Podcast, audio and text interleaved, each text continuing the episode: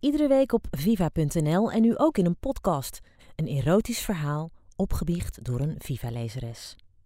Deze week stiekem tijdens de kerstborrel op kantoor. Het reclamebureau waar ik werk haalt ieder jaar voor de kerstborrel alles uit de kast om er een daverend spektakel van te maken. Zo ook weer dit jaar. De glitters vlogen je om de oren en dan heb ik het nog niet over de dansende acrobaten die in doeken aan het plafond hingen. In het restaurant waar normaal gesproken worstenbroodjes geserveerd worden, stond een DJ-booth en waar ik dagelijks mijn verse jus koop, waren twee grote cocktailbars neergezet. Alle vrouwen droegen hun mooiste jurken en de mannen waren gehuld in een sexy smoking. Mijn plus één was mijn nieuwe vriend. Samen wandelden we het grote gebouw binnen en dankzij de feestelijke aankleding en de lekkere housemuziek kwamen we al snel in de stemming.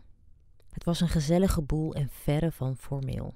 Ik dronk heerlijke cocktails en kletste met mijn collega's. Toen ik naar mijn vriend keek, die zich uitstekend vermaakte met de mannen van de salesafdeling, zwijmelde ik weg door zijn aantrekkelijke looks. Wat zag hij er toch goed uit in zijn smoking. Een scheut van verlangen gierde door mijn lijf toen onze ogen elkaar vonden. Hij liep op mij af. Uh, schat, vermaak je je een beetje? vroeg hij. Ik wist niets uit te brengen. Hij is zo sexy. Mijn mond werd droog en ik nam snel een slok van mijn mojito. Ik krulde mijn lippen tot een glimlach en proostte met mijn lege cocktailglas. Ik haal nog wat te drinken, zei hij en hij gaf me een snelle kus. Niet veel later stond mijn vriend weer naast me met een nieuw drankje. Alweer voelde ik de aantrekkingskracht tussen ons. Ik wankelde zenuwachtig op mijn te hoge Jimmy Choos. Mijn vriend merkte het en pakte me vast. Zijn handen pakten mijn heupen, zijn grote mannelijke handen. Mm, weer gierde dat gevoel van verlangen door mijn lijf. Net op dat moment stopte de muziek. De CEO van het bedrijf klom op het podium en greep de microfoon. Het was tijd voor een speech. Hier had ik dus totaal geen zin in. Ben jij niet gisteren toevallig iets vergeten op je kantoor? fluisterde mijn vriend verleidelijk in mijn oor. Ik keek hem vragend aan. Ik ben altijd heel secuur, ik vergeet nooit iets. Maar toen ik die twinkeling in zijn ogen zag, begreep ik het. Ik greep zijn hand en samen liepen we zo onopvallend mogelijk naar de lift. Mijn kantoor bevindt zich op de bovenste verdieping en dus als we geluk hadden was daar nu helemaal niemand. De liftdeuren sloten en mijn vriend en ik zoenden alsof ons leven ervan afhing.